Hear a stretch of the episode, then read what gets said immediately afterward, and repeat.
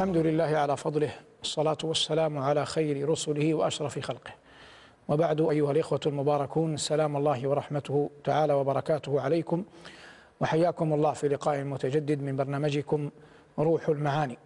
وقد مضت نسق البرنامج وسننه على أننا نفي إلى آية من كلام الله جل وعلا أو آيات فنستخلص منها جميل العبر وعظيم العظات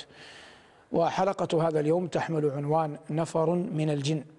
وهو مقتبس من الآية الكريمة في سورة الجن قل أوحي إلي أنه استمع نفر من الجن فقالوا إنا سمعنا قرآنا عجبا يهدي إلى الرشد فآمنا به ولن نشرك بربنا أحدا وقبل أن نعرج على ما جاء في هذه السورة المباركة من معاني نبين أولا أن لفظ ومفردة كلمة جن تدل على الاستتار وعلى الخفية قال الله جل وعلا عن خليله إبراهيم فلما جن عليه الليل أي أظلم واستتر والصغير في بطن أمه يقال له جنين لأنه لا يرى والجنة إنما سميت جنة لاستتارها فهذه المفردة والجذر اللغوي لمعنى كلمة جن وقد كتب الله جل وعلا للجن أن بني آدم لا يبصرونهم مع أن الله آتى الجن القدرة على أن يبصروا بني آدم قال ربنا إنه يراكم هو وقبيله من حيث لا ترونهم وهذا فيه من الابتلاء لنا والابتلاء لهم والله جل وعلا يبتلي بالخير ويبتلي بالشر ويبتلي العباد بعضهم يبتلي العباد بعضهم ببعض وجعلنا بعضكم لبعض فتنة أتصبرون وكان ربك بصيرا والجن كذلك أتاهم الله جل وعلا القدرة على التشكل وأكثر ما يكونون عليه على هيئة الحيايا والكلاب وغير ذلك من هوام الأرض كما يكونون على صور أخر الله أعلم بها وهم في أصل خلقتهم مخلوقون من نار قال الله تبارك وتعالى خلق الإنسان من صلصال كالفخار وخلق الجان من مارج من نار مرج في اللغة بمعنى اختلط وامتزج فمعنى قول الله جل وعلا وخلق الجان من مارج من نار أي من نهار من نار ولهيب مختلط بعضه في بعض وقد قال إبليس في محجته لربه أنا خير منه خلقتني من نار وخلقته وخلقته من طين فهذا أصل تكوينهم وقد آتاهم الله جل وعلا كما بينا القدرة على التشكل بعض أهل العلم يرى أن الجن تحكمهم الصورة في التشكل بخلاف الملائكة فإن الملائكة كذلك أوتوا قدرة على التشكل إلا أنهم الصورة لا تحكمهم ومعنى أن الصورة تحكم الجن معنى ذلك أن الجن لو تعرض أحدهم لقتل أو عاهة وهو على صورة معينة بعينها فإن تلك الصورة تحكمه فيصبح ذلك الأمر ملتصقا به لزاما عليه ومن أمثلة ذلك ما جاء في عند مالك رحمه الله في الموطأ من حديث أبي سعيد الخدري رضي الله عنه أن أحد أصحابه قدم إلى أبي سعيد يزوره فلما دخل الدار وجد أبا سعيد يصلي فبينما هو ينتظر أبا سعيد, أبا سعيد يفرغ من صلاته إذا بحية في عرجين البيت فهم ليقتلها فأشار إليه أبو سعيد أن امكث مكانك فمكث مكانه فلما فرغ أبو سعيد رضي الله عنه من الصلاة أخذ الفتى الزائر وأخرجه من الدار ثم أشار إلى دار غير بعيدة عن دار أبي سعيد قال أترى تلكم الدار قال نعم قال هذه الدار لفتى منا معشر الأنصار وكان يوم الخندق يوم الأحزاب حديث عهد بعرس فكان يستأذن النبي صلى الله عليه وسلم في أن يبيت عند عرسه فيأذن له فذات مرة استأذن فقال له عليه الصلاة والسلام خذ معك سلاحك فإني أخشى عليك بني قريظة فأخذ سلاحه معه فلما قدم إلى الدار وجد عرسه زوجته خارج الدار فكأن الغيرة اشتدت عليه فأخرج سيفه فأشارت إليه زوجه أن ادخل أي تريث لا تعجل علي فدخل الدار فوجد حية قد التفت على فراشه فضربها هذا أبو سعيد يحكي القصة فضربها فلا يدرى أيهما أسبق موتا الفتى أم الحية أي ماتت الحية من أثر الضربة ومات الفتى الظاهر من وخز الجن له في وقت واحد وهذا مقصودنا في استشهاد بأن الجن تحكمهم تحكمهم الصورة وهم كما قلت لهم علاقة بالنار قوية والعرب تقول أتوا ناري فقلت منون أنتم فقالوا الجن قلت عموا عموا ظلاما والقرآن قبل أن أتحدث عن آية نفر من الجن يدل على أن الجن من حيث القوة البدنية أقوى من الإنس ومن حيث البلاغة والفصاحة الإنس أقوى بقراء عدة في القرآن الله جل وعلا يقول يا معشر الجن والإنس إن استطعتم أن تنفذوا من أقطار السماوات والأرض فانفذوا لا تنفذون إلا بسلطان فبدأ بالجن قبل الإنس في الحديث عن القوة وقال الله جل وعلا وحشر لسليمان جنوده من الجن والإنس والطير فهم يوزعون فقدم الجن على غيرهم لقوتهم في حينما تكلم القرآن عن الفصاحة والبلاغة والقدرة على الاتيان بمعارضة القرآن التي هي محال على بني آدم لعلو القرآن ورفعته قال الله جل وعلا قل لئن اجتمعت الإنس والجن على أن يأتوا بمثل هذا القرآن لا يأتون بمثله ولو كان بعضهم لبعض ظهيرا فنلحظ أن الله جل وعلا قدم الإنس هنا على على الجن أما قوله جل شأنه وتباركت أسماؤه وما خلقت الجن والإنس إلا ليعبدون فهذا التقديم بناء على أصل الخلقة بناء على أن خلق الجن مقدم على مقدم على خلق الإنس والجان خلقناه من قبل من نار السموم والجان خلقناه من قبل أي من قبل الإنس من نار السموم والجن ينسبون إلى إبليس قال الله جل وعلا إلا إبليس كان من الجن ففسق عن أمر ربه أفتتخذونه وذريته أولياء فالمعنى أن غالب الظن أن إبليس هو أبو الجان كما أن آدم عليه السلام هو أبو هو أبو البشر هذا كله في التقريب في التقعيد العام لمسألة الجن هؤلاء الجن مكلفون وفي هذا يشترك بنو آدم مع الجن في أنهم جميعا مكلف بأنهم جميعا مكلفون في حين أن الملائكة غير مكلفين إلا أن الملائكة تشترك مع الجن في أننا لا نقدر على رؤيتهم لا نلحظهم لا نراهم حجب الله عنا رؤية الملائكة ليعلم مدى إيماننا بالغيب وحجب عنا رؤية الجن حتى يعلم مدى إيماننا بالغيب ومدى قدرتنا على الصبر على هذا التكليف ويوم القيامة يرى الجن الإنس والإنس الجن ولهذا من أسماء يوم القيامة يوم التلاق ما معنى يوم التلاق يلتقي فيه الجن والإنس يلتقي فيه الإنسان مع عمله يلتقي الإنسان فيه مع آبائه يلتقي الإنسان فيه مع مع نبيه كل شيء يمكن كل أحد يمكن أن يلتقي في عرصات يوم القيامة كان سببا في أسماء تس في سبب سببا في تسمية يوم القيامة بيوم بيوم التلاق كما قال الله جل وعلا حكاية عن مؤمن عن مؤمن آل فرعون نعود لمسألة الجن قبل ذلك العلماء يقولون إن بعضهم يقول إن الجن يوم القيامة إنما يثاب مؤمنهم بأن لا يعاقب لا أن يدخل الجنة وفي هذا نظر سيأتي تفصيله إن شاء الله نفيء الآن إلى قول الله جل وعلا قل أوحي إلي أنه استمع نفر من الجن فقالوا إنا سمعنا قرآنا عجبا كان هذا على الصحيح عند عودته صلى الله عليه وسلم من الطائف إلى مكة مر على وادي نخلة وقد صدته قريش ولم يرضى به إلا قد صدته, قد صدته ثقيف أهل الطائف فصدت ثقيف رسول الله صلى الله عليه وسلم فقفل راجعا إلى مكة ومعه غلامه زيد بن حارثة ثم إنه في بعض الطريق قام صلى الله عليه وسلم يصلي ويقرأ القرآن لما بعث عليه الصلاة والسلام منعت الجن من استراق السمع وحيل بينهم وبين خبر السماء فأمر إبليس من معه من الجان أن ينتشروا في الأقطار لينظروا لما منع خبر السماء برحمة الله وافق أن تسعة من الجن نفر كانوا يوم ذاك مارين على وادي نخلة فرأوا النبي صلى الله عليه وسلم يصلي يقرأ القرآن ويتلوه في الليل فالوقت مبارك ليل والقارئ مبارك وأي مبارك رسول الله صلى الله عليه وسلم والمتلو المقروء كلام الله والجن يستمعون فمن ذهولهم مما يسمعون ركب بعضهم بعضا قال الله جل وعلا وانه لما قام عبد الله يدعوه كادوا اي الجن يكونون عليه لبدا اي يركب بعضهم بعضا قال الله هنا قل اوحي الي والمعنى انا لم ارى شيئا لان الجن لا يرون انه استمع نفر من الجن ويعرفون بجن نيصبين استمع نفر من الجن فقالوا إنا سمعنا قرآنا عجبا وهم رغم أن قلوبهم مخلوقة من نار إلا أنهم أذعنوا وخضعوا واطمأنوا إلى كلام الله الواحد القهار وهذا يا أخي نور يؤتيه الله جل وعلا من يشاء من عباده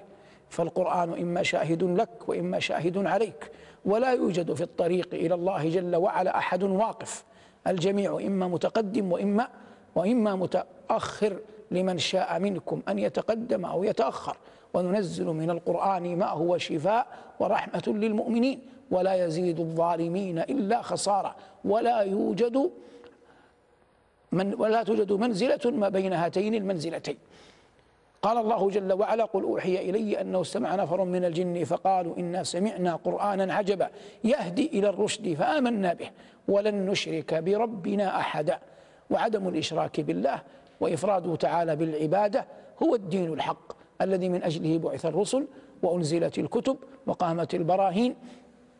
ونصبت الموازين ومن أجله قام سوق الجنة والنار هو دين رب العالمين وشرعه وهو القديم وسيد الأديان هو دين آدم والملائك قبله هو دين نوح صاحب الطوفان هو دين إبراهيم وابنيه معه وبه نجا من لفحة النيران وبه فدى الله الذبيح من البلا لما فداه بأعظم القربان هو دين يحيى مع أبيه وأمه نعم الصبي وحبذا الشيخان وكمال دين الله شرع محمد صلى عليه منزل القرآن فقول الله جل وعلا هنا ولن نشرك بربنا أحد أحدا هذا فقه للدين والله جل وعلا أخبر أن الشرك محبط لكل عمل قال الله جل وعلا للصفوة من خلقه والثلة الجليلة من أنبيائه ورسله ولقد أوحي إليك وإلى الذين من قبلك لئن أشركت ليحبطن عملك ولا تكونن من الخاسرين وقال جل وعلا عنهم في آية أخرى ولو أشركوا لحبط عنهم ما كانوا يعملون ومن أح وما أحسن من قال فكن كما شئت إن الله ذو كرم وما عليك إذا أذنبت من بأس إلا اثنتين فلا تقربهما أبدا الشرك بالله والإضرار بالناس فقالت الجن هنا, الجن هنا ولن نشرك بربنا أحدا وأنه تعالى جد ربنا أي عظمته وسلطانه وحظه وأنه تعالى جد ربنا ما اتخذ صاحبة ولا ولدا فكان في قولهم ما اتخذ صاحبة ولا ولدا رد للطوائف الثلاث رد على اليهود الذين قالوا إن عزير ابن الله ورد على النصارى الذين قالوا إن المسيح ابن الله ورد على بعض مشرك العرب الذين قالوا إن الملائكة بنات الله فقالت الجن ولن نشرك بربنا احدا وانه تعالى جد ربنا ما اتخذ صاحبه ولا ولدا وينبغي ان تعلم ايها المبارك ان الله جل وعلا منزه مقدس عن الصاحبة والولد ولم يلد ولم يولد ولم يكن له كفوا أحد وأن تعظيم الله وإفراده بالعبادة وتسبيحه جل وعلا وتنزيهه عن كل نقص من كمال الدين ومن أعظم ما يورثك في قلبك اليقين وأنه تعالى جد ربنا ما اتخذ صاحبة ولا ولدا وأنه كان يقول سفيهنا من خف عقله وطاش ولم يكن له من العلم مثقال ذرة على الله شططا والشطط القول المنكر البعيد كل البعد عن الاعتدال وهذا يتضمن من زعم لله الولد أو من زعم أن لله مع الله شريك أو من تعلق بالأوثان والأصنام أو غير ذلك من مظاهر الشرك والكفر على الله شططا ثم ذكروا بعض الاعتذار لأنفسهم والآيات عظيمة المعنى قالوا وأن ظننا أن لن تقول الإنس والجن على الله كذبا ربما كان المعنى أن الذي منعنا من أن نسلم قديما ونؤمن قبل أن نسمع القرآن أن ما سمعناه عن الله ما ظننا أن أحدا من الخلق يجرؤ على أن ينسب إلى الله جل وعلا الكذب لكن لما سمعنا القرآن علمنا أن هناك من ينسب إلى الله جل وعلا الكذب وأن هذا واقع حقا في الناس وأن ظننا أن لن تقول الإنس على الجن أن لن تقول الإنس والجن على الله كذبا ثم ذكروا أحوال العباد وكيف أن العباد لا يخشى بعضهم لا يخشى الله ويخشى من دونه وأنه كان رجال من الإنس يعوذون برجال من الجن فزادوهم رهقا وهذه سنة الله جل وعلا في خلقه من, من جعل أحدا بينه وبين الله يعظمه ويبجله ويظن أن الأمر من لدن أحاله الله جل وعلا إلى ذلك الذي توكل عليه ولجأ إليه فهلك الفريقان قال الله جل وعلا فزادوهم رهقا ثم ذكر الله جل وعلا شيئا من أدبهم قال الله عنهم وأنا لا ندري أشر أريد بمن في الأرض أم أراد بهم ربهم رشدا فأنت تلحظ أنهم لما ذكروا الشر نسبوه إلى غير إلى ما لم يسمى فاعله لم يقولوا أن لا ندري أشر أراد بهم ربهم لكنهم أتوا بها ما يسمى عند النحاة إلى الفعل الذي لا يسمى فاعله أي بنوه للمجهول وأنا لا ندري أشر أريد بمن في الأرض فلما ذكروا الرشد والخير والفضل والصلاح نسبوه إلى رب العالمين أم أراد بهم ربهم رشدا والأدب مع الله قال بعض أهل العلم هو الدين كله الأدب مع الله هو الدين كله كما قال الخليل عليه السلام قال أفرأيتم ما كنتم تعبدون أنتم وآباؤكم الأقدمون فإنهم عدو لي إلا رب العالمين الذي خلقني فهو يهدين والذي هو يطعمني ويسقين فنسب الكل إلى الله لما ذكر المرض ذكر الداء قال وإذا مرضت فهو يشفين فنسب الشفاء إلى الله والمرض إلى نفسه مع علمه أن الداء والمرض لا يكون إلا لا يكون إلا من عند الله لا يكون إلا من عند الله لكن كما علمنا نبينا صلى الله عليه وسلم نقول في دعائنا ربنا الخير كله بيديك والشر ليس والشر ليس إليك الخير كله بيديك والشر ليس إليك ولذلك من مما يقع فيه بعض الناس إذا دعا قال اللهم يسر ولا تعسر الأولى أن يقول اللهم يسرني لليسرى وجنبني العسرى اللهم يسرني لليسرى وجنبني وجنبني العسرى والمقصود أن في هذه الآيات دلالة على أدب الجن مع ربهم تبارك وتعالى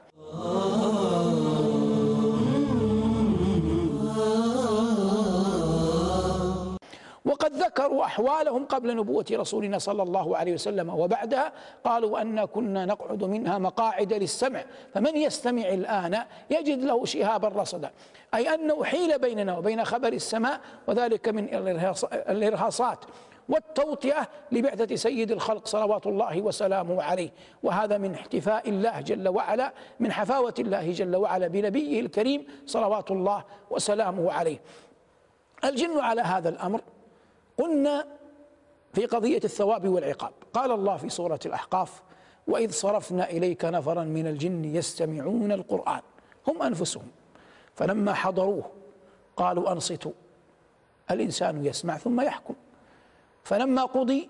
أي قضى النبي صلى الله عليه وسلم من تلاوة القرآن ولوا إلى قومهم منذرين قالوا يا قومنا إنا سمعنا كتابا أنزل من بعد موسى وغالب الظن أنهم يهود وربما كانوا من أتباع موسى لا من أتباع عيسى أو على أن التوراة أعظم أعظم أثرا من الإنجيل بمعنى أنها مهيمنة عليه شيئا ما قالوا كتابا أنزل من بعد موسى يهدي إلى الحق وإلى طريق مستقيم يا قومنا أجيبوا داعي الله وآمنوا به يغفر لكم من ذنوبكم ويجركم من عذاب أليم تمسك بعض أهل العلم بهذه الآية فقالوا إن الجن لا يدخلون الجنة وإنما منتهى ثوابهم أنهم يجير أن الله جل وعلا يجيرهم من النار وبعض أهل العلم يقول إنهم يدخلون الجنة لكنهم يكونون في ربضها ولا ينالون شيئا من وسطها وبعضهم يقول إنهم يدخلون الجنة لكنهم لا يبصرون بني آدم فينقلب الحال كما أن بني آدم لا يبصرونهم في الدنيا ينقلب الحال لا يبصر الجن بني آدم في الجنة وهذه أقوال قال بها بعض الأجلاء لكن ليس لها دليل يعضدها لا من أثر ولا ولا من نظر ويبقى الأمر على حاله أنهم كما أنهم مكلفون مثل الإنس فكذلك يثابون مثل الإنس ويعاقبون من ظل منهم مثل الإنس سواء بسواء لعموم القرآن قال الله جل وعلا إن الذين آمنوا وعملوا الصالحات كانت لهم جنات الفردوس نزلا وهذا يدخل فيه الجن إن الذين آمنوا وعملوا الصالحات كانت لهم جنات الفردوس نزلا وقال جل وعلا فيهن قاصرات الطرف لم يطمثهن إنس قبلهم ولا جان فيهن قاصرات الطرف لم يطمثهن إنس قبلهم ولا جان فهذا من القرائن على أن الجن والإنس في الثواب والعقاب سواء والعلم عند الله وقد انتصر الحافظ ابن كثير رحمة الله تعالى عليه وغيره من العلماء لهذا الرأي وهو الحق الذي ندين الله جل وعلا به بقيت أحوال الجن عبر التاريخ قلنا إن هذا اللقاء نستطرد فيه تاريخيا نستطرد فيه آه، معرفيا وأدبيا يزعم من كتب شيئا من أساطير العرب أن رجلا فتى من الجن طلب من أمه أن تهيئ له ثيابه ليطوف بالبيت فطاف بالبيت وهو على هيئة إنسي فقابله رجل من بني سهم وهي قبيلة قرشية معروفة منها عمرو بن العاص فهذا الرجل الذي من بني سهم قتل هذا الفتى الجني وقد مر معنا أن الجن تحكمهم الصورة فلما قتله ما أصبح بنو سهم إلا وأكثر أو قرابة سبعين رجلا منهم قد ماتوا فعلموا أنهم من الجن فعمدت بنو سهم ومواليها وخدمها وعبيدها فتفرقوا في شعاب مكة وجبالها لا يتركون حجرا ولا دابة ولا هائمة إلا قتلوها أي انصرفوا إلى الحيايا والعقارب والهوام يقتلونها لغالب ظنهم أن أكثرها جنا فبينما هم على تلك الحال إذا بموجة من تراب وإذا بمناد يناد في أهل مكة يا معشر قريش أصلحوا بيننا وبين بني سهم فقد هلكوا أهلكوا منا خلقا كثيرا هذه المقطوعة التاريخية الأدبية عليها شيء من ما يعرف بالأساطير السابقة لكنه يمكن استيحاؤها أو قراءتها على اعتبار أن الجن عالم أكثر الناس فيه والعرب تزعم أن هناك غول وتزعم أن هناك سعلاه وأن بعضه يرى يرى في الليل وبعضه يرى في النهار وينقلون عن تأبط شرا أنه لقي الغول في سفره وأنه ضربه ضربة ما زال يستدرجه يستجديه أن يضربه ضربة أخرى إذ تزعم العرب في كلامها أن الغول إذا ضرب ضربتين يبقى حيا وإذا ضرب ضربة واحدة يبقى ميتا على حاله وأن تأبط شرا وهذا مركب إسنادي هذا اسمه واسمه ثابت وتأبط شرا هذا لقب لقب به بعد ذلك أبى أن يضربه حتى قتله فلما أصبح وجد أنه غول أخذه معه إلى دار أهله وقد وضعه في تحت إبطه فظن نساء القرية أن ثابتا أتى بشيء عظيم إلى أمه فسألوها ماذا أقدم لك ثابت قالت لقد تأبط شرا فعرف بهذا الاسم الذي يعنينا من السياق قضية الغول وأثرها في الناس وكما أن الملائكة رمز للجمال فإن الشياطين عياذا بالله والجان رمز للقبح قال الله جل وعلا عن شجرة الزقوم طلعها كأنه رؤوس الشياطين ونحن نعلم أن الشياطين لم يرها الناس لكن الموروث في قلوب الناس في ثقافاتهم أن الجن رمز للقبح كما أن الملائكة رمز للجمال بقرينة أن يوسف عليه السلام لما دخل على النساء وفتن بجماله قلن ما هذا بشرا إن هذا إلا ملك كريم ومعلوم أن النسوة اللاتي قلن هذا عن يوسف لم يرين الملائكة لكنه لكنهن ذكرنه من باب أنه استقر في الأذهان أن الملائكة رمز وعنوان للجمال وكذلك الشياطين عنوان للقبح ومما يستدعى في هذا المقام ما ذكروا عن الجاحظ وهو الأديب العربي المعروف باعتزاله كان قبيح المنظر وكل ذلك خلق الله فيقول هو عن نفسه أنه كان ذات يوم في السوق فجاءته امرأة فقالت له أريدك في حاجة قال بين يديك قالت اتبعني فتبعها فأوقفته على صائغ يصوغ الذهب ثم إن المرأة قالت للصائغ مثل هذا وأشارت إلى الجاحظ ثم انصرفت فلم يفطن الجاحظ ماذا تريد المرأة فسأل الصائغ فقال لو إن هذه المرأة طلبت مني أن أصنع لها خاتم وأن أجعل فصه على هيئة وجه عفريت فقلت لها إنني لا أعرف العفريت فأتت بك وأشارت إلى وجهك والمقصود من هذا كله ما استقر في الأذهان من أن الجان رمز للقبح وقد جاء ذكر الجن مع نبي الله سليمان كثيرا قال الله جل وعلا يعملون له ما يشاء من محاريب وتماثيل وجفان كالجواب وقدور الراسيات اعملوا آل داود شكرا وقليل من عبادي الشكور ولما أراد سليمان أن تظهر نعمة الله جل وعلا عليه وبعث من بعث إلى بلقيس في اليمن قال لمن حوله ومنهم الجن أيكم يأتيني بعرشها قبل أن يأتوني مسلمين قال الله جل وعلا قال عفريت من الجن والعرب تقول عن الجن في أصله جني فإذا سكن البيوت يقال له ذات الأرواح فإذا تمرد قالوا مارد فإذا اشتد تمرده قالوا عفريت وربما كان قولهم مارد أشد من قولهم عفريت وربما قرنوا بينهما المقصود قال الله جل وعلا قال عفريت من الجن أنا أتيك به قبل أن تقوم من مقامك وإني عليه لقوي أمين قال الذي عنده علم من الكتاب أنا أتيك به قبل أن يرتد إليك طرفك فلما رآه مستقرا عنده قال هذا من فضل ربي والذي يظهر لي أن الذي قال أن الذي وصفه الله جل وعلا بأنه عنده علم من الكتاب هو جني أوتي حظا كبيرا من الإيمان والعلم أي جمع ما بين القوة الروحية والقوة البدنية ما بين العلم بأحوال الدنيا والعلم بأحوال, بأحوال الشرع فلهذا قدره الله أن يأتي بعرش بلقيس في طرفة عين لكن كيف تقرأ الآية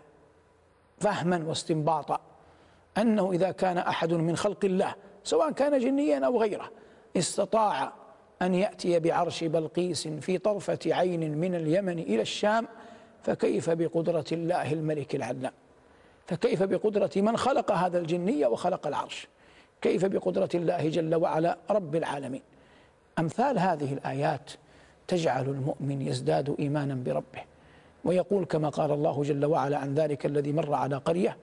قال الله تبارك وتعالى أو كالذي مر على قرية وهي خاوية على عروشها قال أن يحيي هذه الله بعد موتها فأماته الله مئة عام ثم بعثه قال كم لبثت قال لبثت يوما أو بعض يوم قال بل لبثت مئة عام فانظر إلى طعامك وشرابك لم يتسنه وانظر إلى حمارك ولنجعلك آية للناس وانظر إلى العظام كيف ننشزها ثم نكسوها لحما فلما تبين له قال أعلم أن الله على كل شيء قدير فلا بد أن يقع في قلوبنا العلم الحق بأن الله جل وعلا على على كل شيء قدير لا بد أن يكون المؤمن على يقين بعظمة قدرة ورحمة رب العالمين جل جلاله هؤلاء الجن يظهر من السير والأخبار العامة أنهم يعمرون لكن قطعا يموتون للحديث الصحيح أعوذ بعزتك الجن والإنس يموتون وأنت الحي الذي لا يموت فكما أن الإنس يموتون كذلك الجن يموتون والله أعلم أين يقبرون والله أعلم أين أين يقبرون وقد سمى الله جل وعلا سورة في القرآن باسمهم وهي سورة الجن ولم يأتي في القرآن سورة اسمها سورة الإنس لكن هناك آه، سورة في القرآن اسمها سورة سورة الإنسان وهذا في القرآن كثير كما مر معنا الشمس والقمر صورة باسم الشمس وصورة باسم القمر صورة هنا باسم الجن وصورة باسم الإنسان لكن الفرق أن صورة الجن جاءت بالجمع وصورة الإنسان جاءت بالإفراد وصورة اسمها الكافرون وصورة اسمها المؤمنون وصورة اسمها المنافقون وهذا كثير كما قلت في القرآن بحسبه لكن هذه التقسيمات موجودة في كلام رب العالم في أسماء صور القرآن العظيم نريد أن نختم أن الجن والإنس خلقهم الله جل وعلا لأمر عظيم قال ربنا ينزه ذاته العلية أفحسبتم أنما خلقناكم عبثا وأنكم إلينا لا ترجعون فتعالى الله الملك الحق ويبقى تسلط الجن على بني آدم